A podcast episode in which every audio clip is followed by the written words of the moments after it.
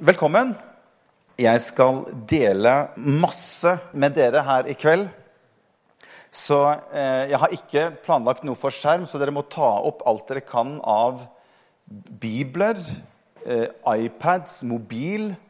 Eh, hvis du eh, har et eller annet sted du kan hente opp informasjon på, eh, på eh, et eller annet teknisk hjelpemiddel, hvis ikke du har denne, denne her sånn i, i trygt form, så skal vi, skal vi gå litt inn i, i Guds ord. Jeg har lyst til å dele noe med dere jeg rundt dette som har med Den hellige ånd, for det er jo temaet vårt. Men jeg har lyst til å dele noe rundt det som har med Den hellige ånd å gjøre, troen vår å gjøre, og Guds ord. Jeg har lyst til å prøve å koble de tre tingene sammen eh, og dele litt rundt hvordan disse tingene henger sammen med Den hellige ånd, med vår tro og Guds ord.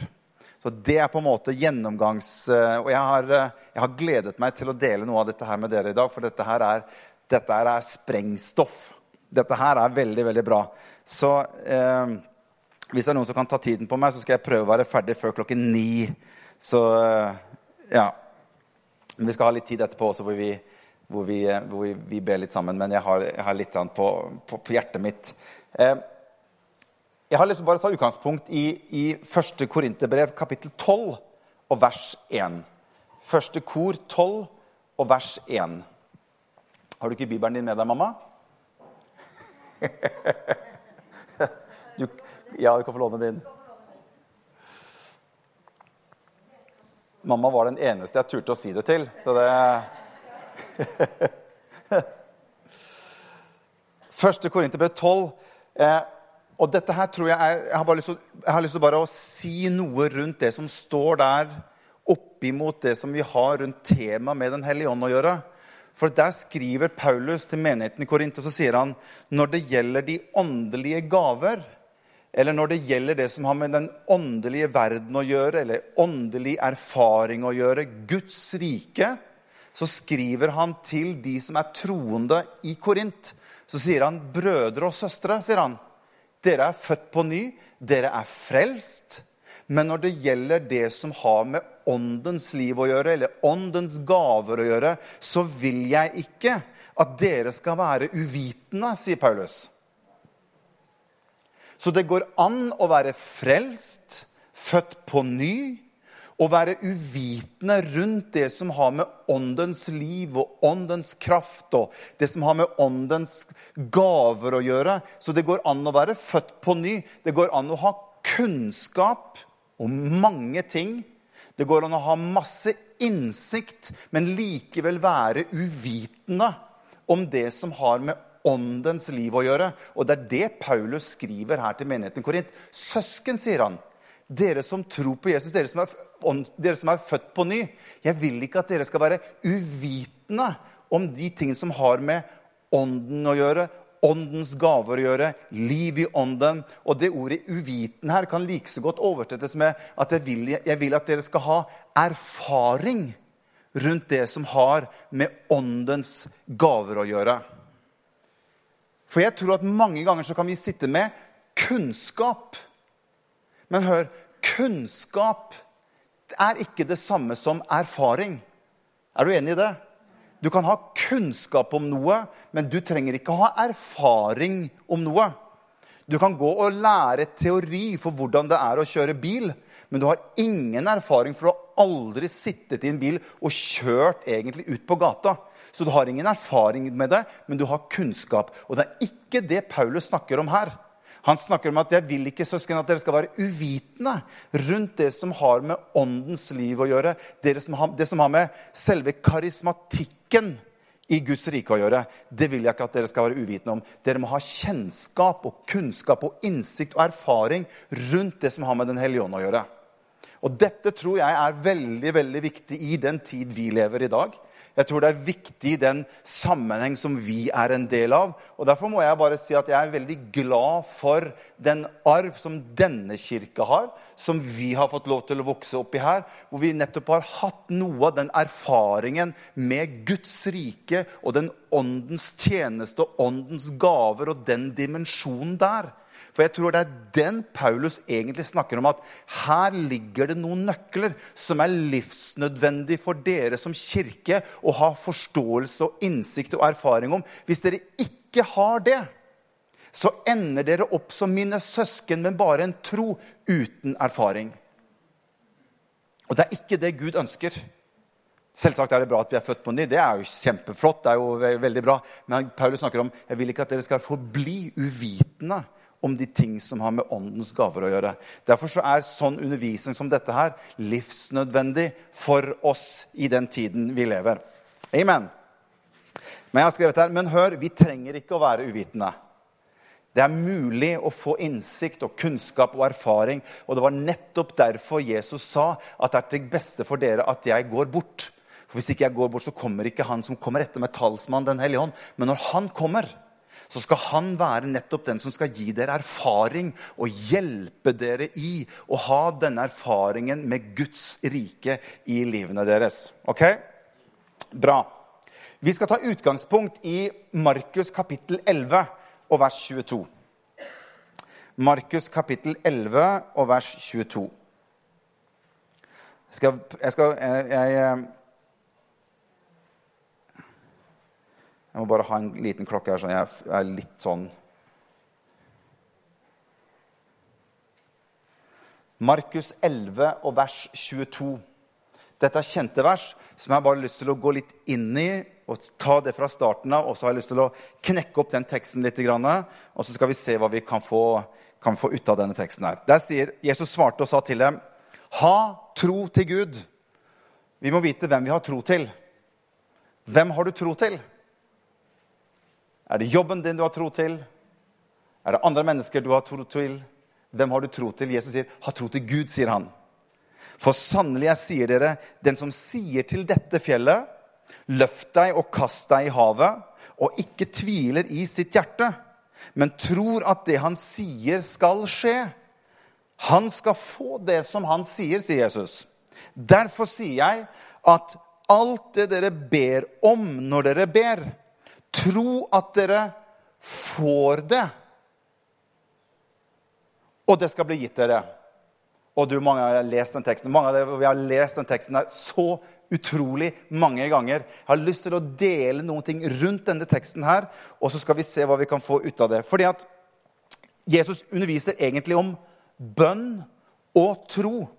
For han sier her at, alt, at om du tror, så skal ingenting, sier han, være umulig. Men så avslutter han det han sier, så avslutter han med den setningen som jeg har lyst til å bare ta litt tid i starten. Så sier han at alt det dere ber om når dere ber, sier han. På grunnteksten så er det ikke ord, vi har, vi har, ordet 'ber' to ganger her. I grunnteksten så er det første ordet 'ber'. Det er et annet ord som betyr egentlig alt det du begjærer. Alt det du lengter etter er egentlig det ordet, første ordet 'ber', som vi har oversatt til 'ber' i det norske. På den engelske oversettelsen i King James så står det 'whatsoever you desire'. står det. Og ordet 'desire' det er jo en lengsel, det er jo et, et, begjær etter noe. Men her så bruker vi bare ordet 'ber' to ganger. Og det, det, det minsker litt egentlig av betydningen av det Jesus sier. For han snakker om at alt det dere desire, lengter etter når dere ber. Så han kobler to ting sammen. Det har noe med hva som er en lengsel og en desire i mitt hjerte når jeg ber. Ikke om du ber, sier Jesus, men når dere ber. Så jeg har lyst til å prøve å vise litt hva er det egentlig Jesus prøver å si her. For når jeg satt med dette, så tenkte jeg liksom Ja, hva ber du om, Morten? Har du noen lengsel og noen desires i ditt hjerte i det hele tatt? Eller blir vi som kristne at vi til slutt så blir vi så vi blir sånn, vi, For det, helt klart så skiller Jesus ut noe fra noe annet her. Han gjør jo det. Han sier alt det du begjærer når du ber. Så hvis det er mennesker som ikke gjør det, og ikke har noe som man på en måte søker etter eller ber om i sitt hjerte, i sitt liv, i sitt kristenliv, så sier ikke Jesus ja, men da får du det. Nei, men han, han, han, skiller på en måte ut at hvis du har ting i ditt hjerte som du lengter etter, som du ber om, så skal du få det. Så alt springer egentlig ut ifra at jeg lever et liv i bønn sammen med Gud. Og det er noe som springer ut ifra at jeg har et fellesskap med Han i bønn. Og det er i det fellesskapet at det dukker opp ting i mitt hjerte. For det er ikke sånn at når jeg leste dette når jeg var ung, så tenkte jeg å, alt jeg har lyst på, ja. Ah, ja, Jesus, nå har du sagt det. Så, så, da er det vel sånn, da, for jeg har en bil jeg gjerne kunne tenkt meg. Og jeg har et hus jeg har kikka litt på. For det står jo, du sier jo det sjøl, at alt det du begjærer men hør, jeg skal komme litt inn på her. For dette her er, det Jesus sier her, det er på en måte at og, det, og dette er sikkerhetsnettet i det som Jesus skriver her. For jeg tenkte, Jesus, Skal jeg ta deg på ordet, eller hva, hva er det du egentlig mener når du sier disse tingene her? For skjønner, vi, altså, han sier at tro at du får det, og det skal bli gitt deg. Dere må henge med på meg, for jeg kommer til å gå i detalj her. Så her, Dette her blir dyp bibelsk undervisning. Dere må henge med. Dere må være våkne, for ellers så får dere ikke tak i catche hva jeg egentlig ønsker å, meddele. Er dere våkne? Er dere her? Så her må, her må du følge med, altså. Morten, læreren sa alltid 'Morten, nå må du følge med', sier læreren til meg ofte. Ja, Det er en helt annen historie. Men, men hør nå. Jesus han sier at 'tro at du får det' og det skal bli gitt deg. Vi ber ofte ut ifra at vi kommer til å få det i framtid. At jeg skal tro at jeg skal få det. Og jeg skal få det. Men hør, om jeg tror at noe skal jeg få i framtiden, så er jo ikke det noen sikkerhet for at jeg får det. Henger du med? Det er ikke det Jesus sier her. Han sier at 'tro at du får det, og du skal få det'. Ok. Det må henge med her. Det må henge med her. Hør. Troen ser alltid tilbake i tid, mens håpet ser alltid fram i tid.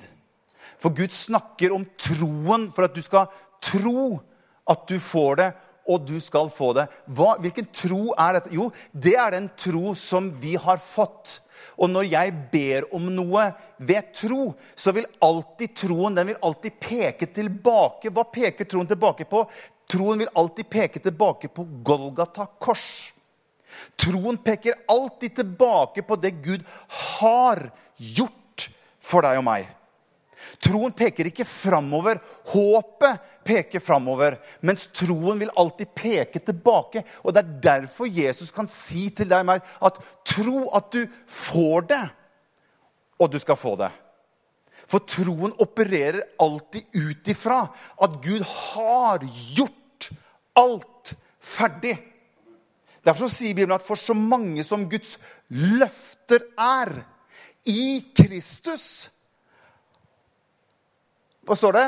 Kommer de til å få fremtid? Er det det det står? Nei. Har. Det er tilbake i tid. Hva er det for noe? Det er Golgata kors. Når Jesus roper 'Det er fullbrakt', så troen vil alltid prøve å komme tilbake for hva Jesus har gjort for oss. Derfor sier Jesus at når du ber, så sier han alt det Tro at du får det, og du skal få det. Ok, vi skal ta dette videre. Heng med. Heng med. Noen ser liksom et sånt spørsmål hva er det han egentlig vil fram til nå, han eh, Aune. Men vi skal ta dette litt videre. Dette er veldig veldig bra. He, se hva som, nå skal jeg lese noe som jeg har skrevet her. Du kan ikke tro at du får noe som du ennå ikke har fått, uten at Den hellige ånd har vært inne i bildet og skapt en dimensjon av tro som ikke kan komme direkte ut ifra deg selv og din egen kraft. Skal, si, skal jeg lese det en gang til? Du kan ikke tro at du får noe som du ennå ikke har fått, uten at Den hellige ånd har vært inne i bildet og skapt en tro i ditt hjerte, i din ånd, som gjør at du får det du har bedt om. For troen springer alltid ut ifra at det er meg til del. Og den troen, Derfor så snakker ikke vi om at vi driver og hauser opp en slags Og jeg tror, jeg tror, jeg tror, jeg tror. jeg tror. Det er egenprodusert tro. Og det er ingenting i Bibelen som kan få noe til å fungere i egen kraft. Derfor sånn, Hvis vi hauser opp en slags sånn, form, sånn troskarusell og jeg tror, jeg tror, jeg tror, jeg tror Det var som om skulle gå på vannet i tro, og så gikk han rett under så sa jeg tror, jeg tror, og var det jeg trodde, sa han. Så gikk han jo rett til bånns.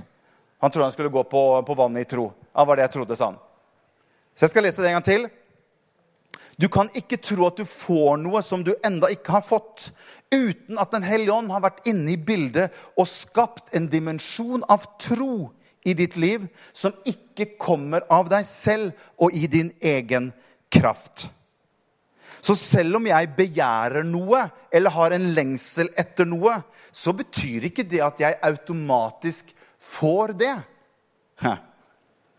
Min lengsel, min bønn, det jeg ber om og fødes fram, det fødes fram i bønnens verden. For hør, Hvis du og jeg er ærlige, så kan det godt hende at vi har begjær og lengsel etter ting som ikke trenger i første omgang å være hellig.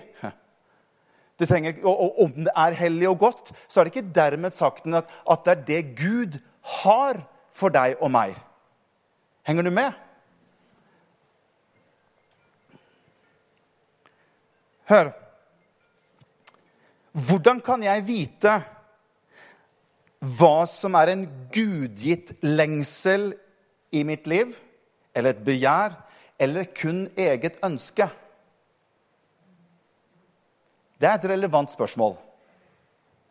Var det farfaren min som syntes at jeg skulle begynne å preke Guds ord? Var det han som liksom at Morten, jeg tror du skal preke Guds ord? Var det det som var utgangspunktet for at jeg skulle preke? Eller er det noe som Gud har talt om i mitt liv? Eller i ditt liv? Noe som Gud ønsker at du skal gjøre? Hvordan skiller vi mellom hva som kan være en lengsel etter noe bare ut ifra en menneskelig setting, og hva som egentlig er Guds ønske og plan for meg? Og Det er det jeg ønsker å dele litt videre her. For det, fins et skille i denne teksten her Først så sier Jesus, henger det med fortsatt? Tro at du får det. Det er del én. Det er én dimensjon. Og så sier han etterpå og du skal få det. For jeg kan ikke tro at jeg skal få noe som ikke er mitt. Jeg kan håpe på det. Jeg kan be om noe og håpe at jeg får det. Men hvis ikke det er mitt, så kan jeg ikke forvente at jeg får det. Jeg, jeg, blir dyp i dag. Jeg blir veldig dyp her i dag. altså. Dere, dere må henge med. Dere er såpass skarpe at dere henger med på dette her. Hør! Jesus sier her at 'jeg får det i min ånd' før jeg ser det i mitt liv. Så tro at du får det, ligger i én dimensjon. Og så går Jesus videre og så sier han at 'og du skal få det' ligger i en annen dimensjon. Den første dimensjonen snakker Jesus om her. Det er åndens dimensjon. Det er i det usynlige. Det er i min ånd, i mitt hjerte. Det er der Jesus snakker om når han sier at 'tro at du får det'. Hvor ligger den dimensjonen? Jo, den ligger i min ånd. Den ligger i mitt hjerte. Det er der det starter først. Og hør, når jeg får det dit, så kan jeg vite at jeg har fått det. For det er mitt. Men hvis ikke jeg vet at det er mitt, så kan jeg kanskje håpe på at noe vil skje, men jeg kan ikke regne med å, forvente at det skal skje. Og dette her, sånn her syns jeg er spennende. Dette her er veldig, veldig spennende. Du kan ikke forvente at du får noe i det naturlige eller det synlige om du ikke har fått det i den åndelige eller den usynlige delen. For hør, Guds rike forholder seg til din ånd før den forholder seg til det synlige eller det naturlige. Og når jeg satt og, jeg satt og tenkte på dette altså Det her var bare sånn derre Å, det er bare sånn fantastisk. Guds rike forholder seg til min ånd. I utgangspunktet. Så om jeg har en fattig eller nedbrutt ånd, som Bibelen snakker om, så noen ganger så vil det være vanskeligere for Gud å legge ting inn i min ånd som han har for meg. For at jeg begrenser Gud i min ånd, for at han kan begynne å legge ting der som han har for mitt liv.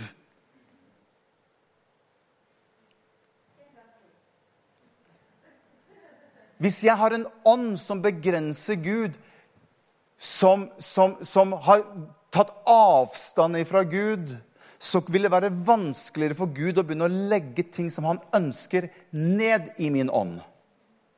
Ok? For så mange som Guds løfter er, i Kristus har de fått sitt ja. Det er den første dimensjonen som Jesus snakker om her. Tro at du får det. Det er det som står for så mange som Guds løfter er. I Kristus har de fått sitt ja. Og så står det videre Derfor sier vi Da går du ned på del to, den andre dimensjonen som Jesus snakker om. Derfor sier vi til Guds ære Amen. Det skal skje i det synlige for min del.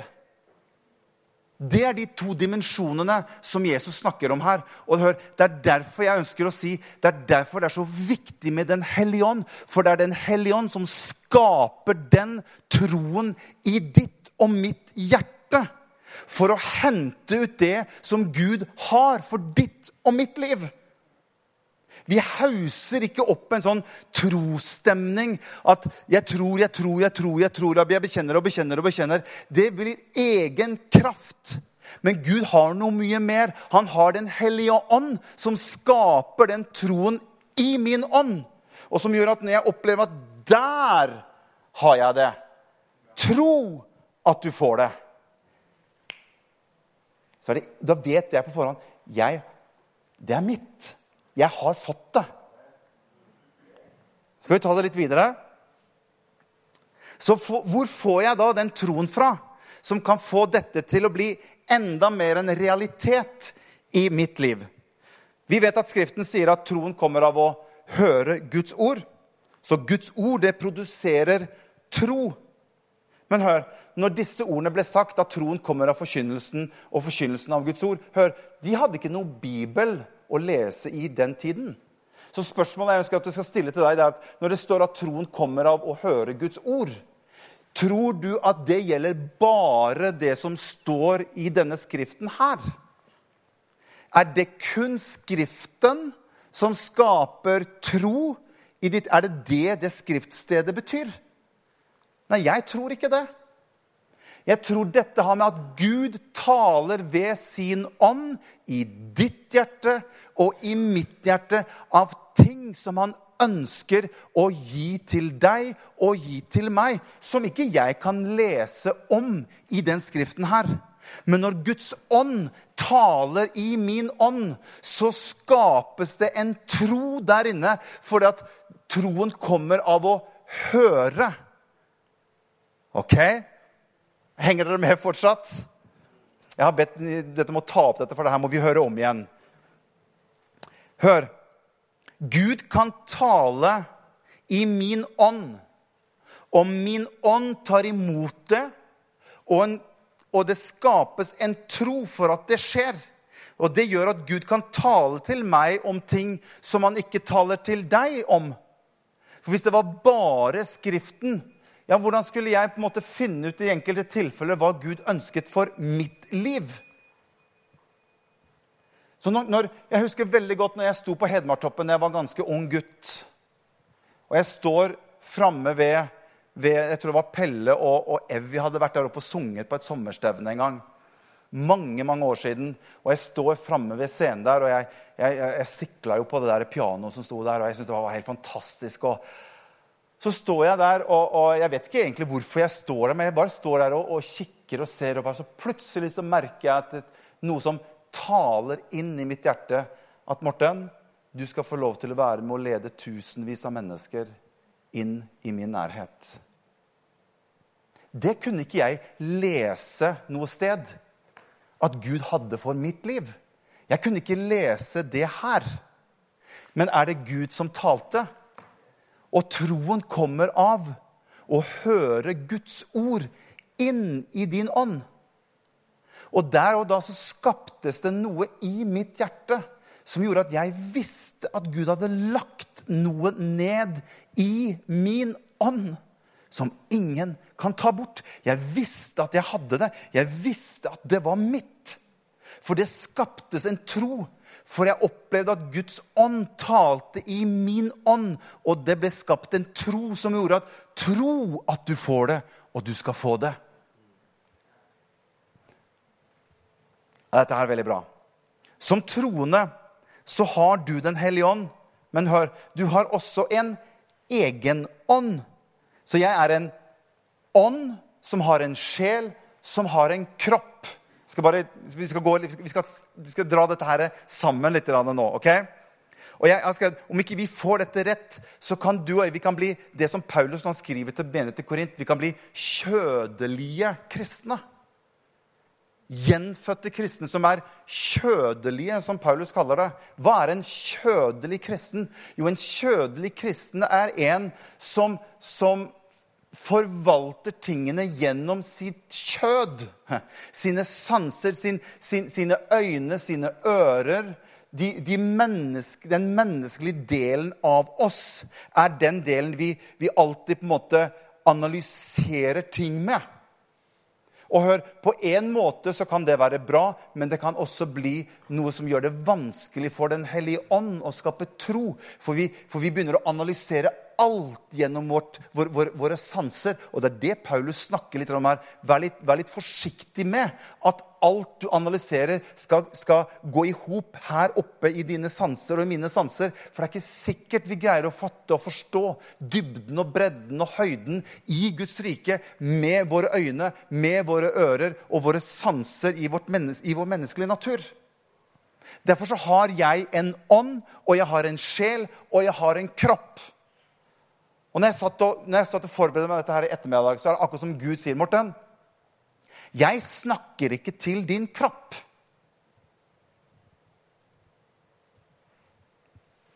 Hva er det du mener med det? Ja, men Morten, jeg, jeg, jeg forholder meg ikke til din kropp. Å ja. Mine øyne, mine ører Jeg forholder meg til din ånd. Gud, Morten, jeg er ånd, og jeg kommuniserer med ånd. Det, det liksom gikk opp for meg på en helt annen måte. Men det er jo sant, Gud. Jeg har jo visst det. Men eh, plutselig blir det sånn For Morten Han, han snakka ikke så tydelig som jeg sier til han, han svarer ikke om Morten. og alt sånt. Det, det, er bare sånn som jeg legger på for at det skal høres litt mer åndelig ut. Men, men jeg opplever at det, han, han, tok meg med på en sånn liten sånn reise. For at, sier, hvis jeg hadde talt til din, dine sanser, så hadde du hørt stemmen min. Henger du med? Hvis han skulle snakke til meg hit, ja, da hadde jeg hørt stemmen hans fysisk.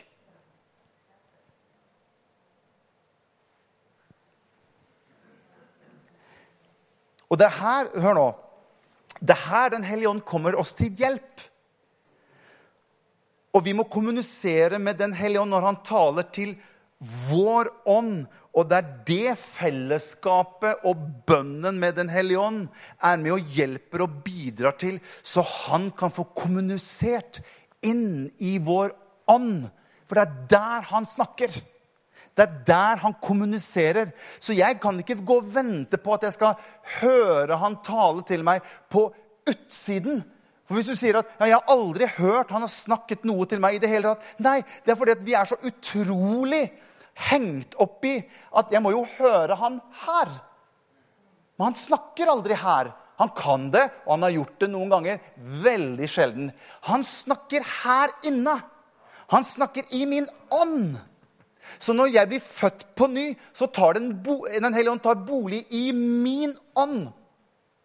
Og når han tar bolig i min ånd, så begynner Den hellige ånd Han ønsker å utveksle ting med min Han ønsker å tale til min ånd. Det er der kommunikasjonen ligger. Den er her inne. Så hvis du ikke har hørt noe fra Herren på lang tid, ja, da må vi lære oss å lytte innover. Istedenfor å tenke jeg, jeg hører liksom ikke noe. Nei, for han kommuniserer ikke her. Nå skal jeg gå mot avslutning, skal jeg trekke det sammen. Oi, oi, oi, oi. Første Korinterbrev, kapittel 2 og vers 9. Han selger huset sitt, han skjønner.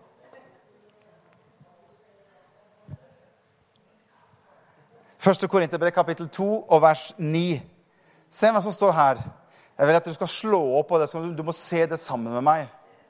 For jeg tror noen ganger at vi har lyttet med feil ører.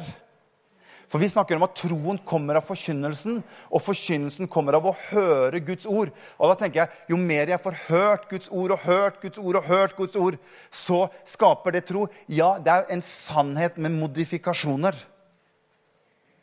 Men det som, det som Paulus skriver her Han sier her Men det som er skrevet, sier han, 1. Korinterbrev kapittel 2 og vers 9 Men det som er skrevet, det øyet ikke har sett.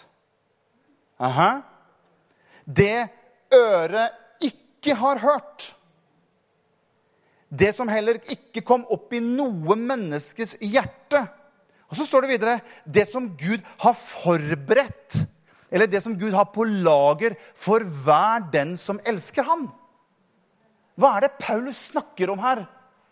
Hvorfor sa han at du kan ikke se det med disse øynene? Du kan ikke høre det med disse Du greier ikke å fange det opp egentlig i din ånd heller. Det må bli vist deg fra Den hellige ånd.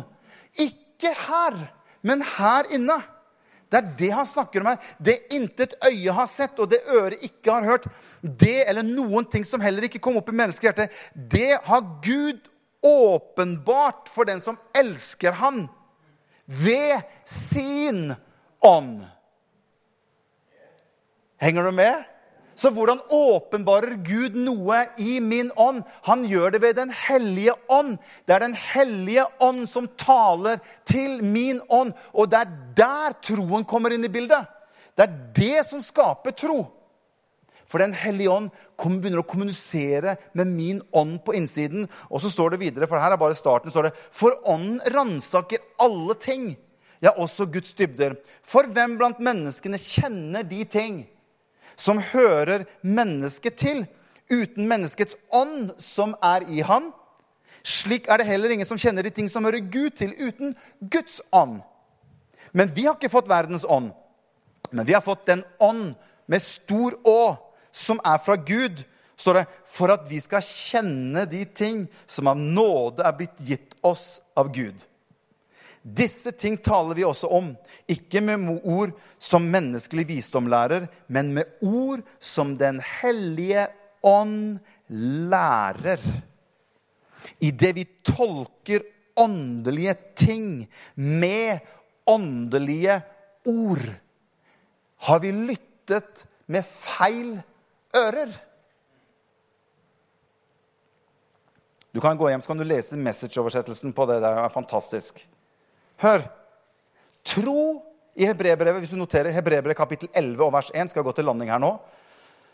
Tro er full tillit til det en håper på.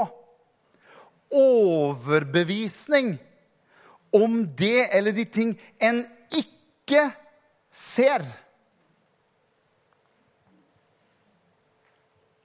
For ved den fikk de eldste godt vitnesbyrd. Så det synlige Hør, noe som blir synlig, kommer ikke fra det synlige. Det synlige det kommer først ifra det usynlige. Det kommer her innenfra. Det unnfanges i min ånd først. Når Gud taler til meg om noe, eller Gud taler til deg om noe, så hvisker han det i min ånd. Hvordan får jeg tak i det? Jo, jeg må begynne å lytte. Og lære meg å lytte her inne. For hvis jeg tror at han skal tale til meg og jeg skal høre det her, så vil jeg ikke lykkes.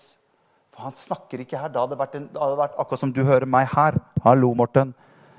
Jeg kunne tenkt meg det. Det kunne vært mye enklere, tenker jeg. Men hør, Gud er ånd. Han er ikke et menneske. Han er Gud, og Gud kommuniserer ånd, taler med ånd. Så han taler til din ånd. Og hvordan gjør han det? Gjennom Den hellige ånd. Ja, vi skal lese Skriften. Vi skal fylle oss med Skriften. Absolutt. Men det i seg selv må Den hellige ånd ta tak i. Og skape noe i din ånd som gjør at det skapes tro. Da kan du få det. Så hvordan kan jeg vite hva Gud har for meg? Hør. Bare ved at jeg får det i min ånd. Jeg har sagt får jeg det i min ånd, så har jeg det.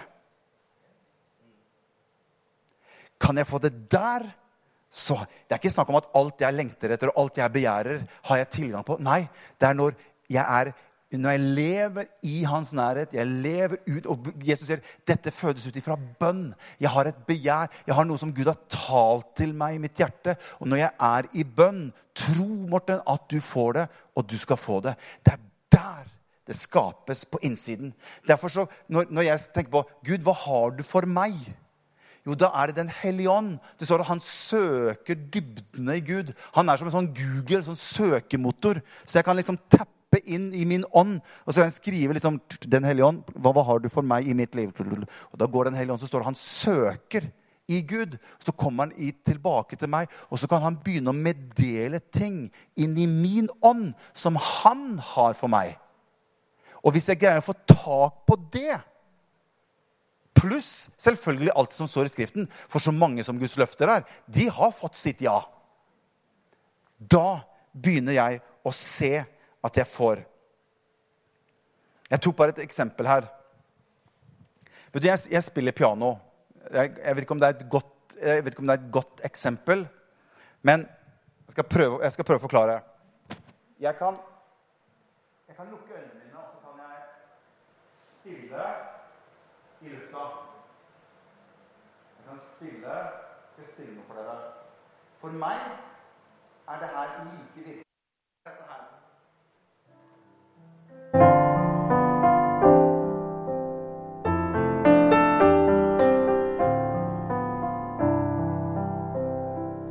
virkelig. Jeg trenger ikke å gå bort til pianoet engang for å gjøre det. Jeg kan gjøre det for at jeg Du, du, du vet at jeg har det.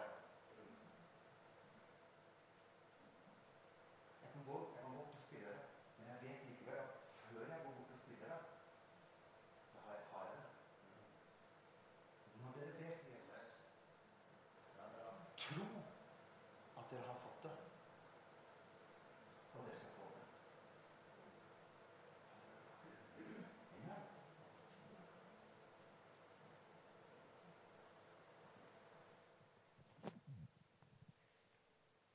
Fantastisk. Ai, ai, ai, ai. Og Den hellige ånd skal lære, Det er derfor Jesus sier at han, han, dere trenger en hjelper. Den hellige ånd. Han skal komme, og han skal veilede dere, sier han, til sannheten. Han skal veilede dere gjennom livet. Det er han som er nøkkelen til å leve et liv og for å få gjort det Gud har kalt deg til. Han bor ved troen i våre hjerter. Og han ønsker å kommunisere med oss. Og jeg tror kanskje, kanskje Gud har ønsket å si meg mye mer enn det jeg har greid å fange opp. For det må opp hit også. Så når han, han, han, han, sier, han sier ikke noe der inne. Det kan godt hende han gjør, men jeg greier ikke å fange det opp her. For hvis jeg ikke greier å fange det opp her, så vet jeg jo ikke hva som foregår. Det kan godt hende de snakker sammen min ånd, og, og, og det, jeg vet ikke åssen det der er. Men på et tidspunkt så må jeg begynne å kjenne etter at den, det han taler og hør, Det er det som handler om å være i hans nærhet i bønn. og Ha fellesskap med han, være i hans nærhet. Lære å kjenne Den hellige ånd. Sånn at når du er i det, så han begynner å si noe til deg, så kjenner du det var Den hellige ånd som sa noe. Ah, det er Den hellige ånd. Og hvis vi, har, hvis vi nesten aldri er borte i det, så er det ikke rart at det er vanskelig for oss som er så okkupert av sansene våre, å fange opp de signalene som Den hellige ånd ønsker å gi oss. Derfor så tror jeg det å være døpt jeg skal bare avslutte med det, derfor så tror jeg det å være døpt i Den hellige ånd tale i tunger Det står at da er det jeg som snakker med Gud. Og da er min forstand uten frukt. Da, da er den her borte. Da er det jeg som snakker med han. Men når han snakker med meg, så må jeg hente det opp her et eller annet sted. Og så må jeg lære meg å kjenne etter at dette er Guds ånd som har talt i mitt liv. At jeg skal gjøre det, eller at jeg skal Skjønner du hva jeg mener? Her har vi, her har vi mye å gå på, tror jeg. Det var bare det jeg hadde lyst til å dele med dere i, i, i eh, ettermiddag. Troen, Guds ord, min ånd